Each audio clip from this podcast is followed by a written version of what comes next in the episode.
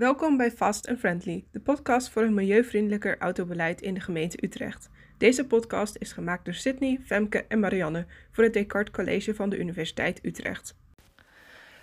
Mijn stuk zal gaan over het autobeleid in Utrecht vanuit een psychologisch perspectief. De levensstijl van mensen moet eigenlijk veranderen, willen we opwarming van de aarde, verlies aan biodiversiteit en vervuiling van het milieu tegengaan, vertelt sociologe Elizabeth Schaaf. Ook geeft ze aan dat beleidsmaatregelen met betrekking tot duurzaamheid vaak te weinig rekening houden met menselijk gedrag. Um, er zijn verschillende manieren om menselijk gedrag te beschrijven.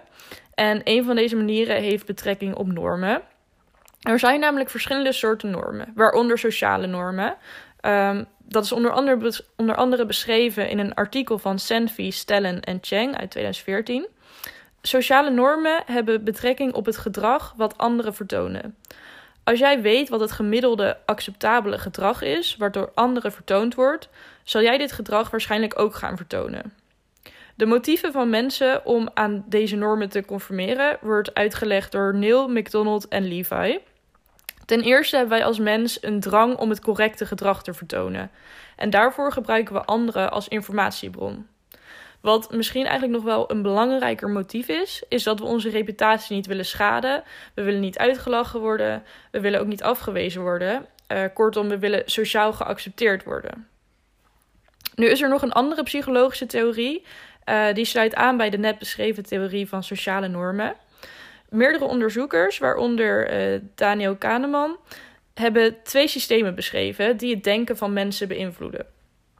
Je hebt het langzame, rationele systeem en het snelle, meer intuïtieve systeem. Het langzame denksysteem gebruik je als je bewust over iets nadenkt. Um, dit zijn vaak belangrijke beslissingen, zoals het kopen van een huis of het kiezen van een studie. Maar veel vaker gebruiken we het snelle systeem. Dit gebruik je bij tandenpoetsen, je brood smeren, even snel de auto pakken naar je werk of de supermarkt. In plaats van interventies te ontwerpen gebaseerd op het langzame systeem, is het volgens deze theorie dus handiger om de focus te leggen op het veel meer gebruikte snelle systeem. En hier komt het concept nudging bij kijken. Dus onder andere beschreven in een artikel van Lener, Mond en Heiskanen uit 2016. Um, nudges zijn veranderingen die aangebracht worden in de omgeving van mensen, die het keuzeproces van mensen onbewust en automatisch beïnvloeden. Je kan hierbij denken aan voetstappen die van de deur naar een trap lopen en vervolgens ook op de trap zijn geschilderd. Hierbij verbied je mensen niet om de lift te nemen. Je zegt ook niet dat ze de trap moeten nemen. Je zorgt er wel voor dat de trap aantrekkelijker wordt, waardoor mensen eigenlijk toch automatisch sneller voor de trap zullen kiezen. In hetzelfde artikel wordt het gebruik van sociale normen ook onder nudges geschaard. En andere vormen van nudging zijn onder andere de fysieke omgeving veranderen en het simplificeren van informatie. Het veranderen van de fysieke omgeving sluit aan bij het net gegeven voorbeeld over de trap. Um, en simplificatie van informatie houdt in dat je complexe materie zo eenvoudig mogelijk presenteert.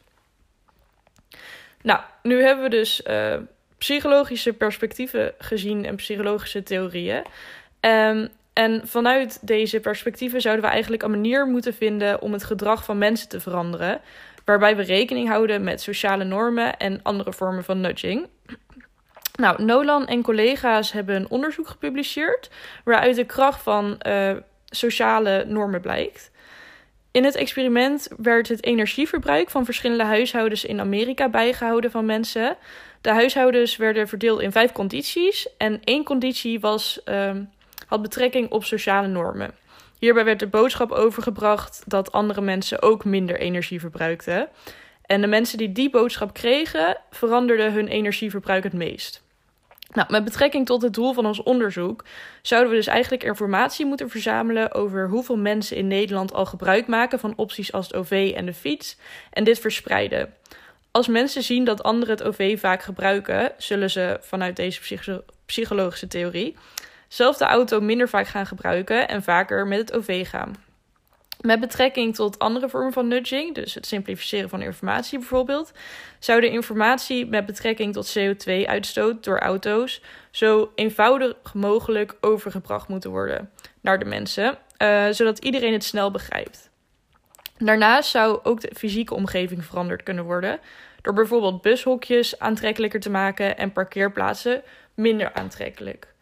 Zo zijn er dus vanuit psychologische theorieën uh, meerdere manieren waarop het gedrag van mensen aangepast kan worden. Uh, met betrekking tot ons voorstel voor nieuw autobeleid in Utrecht.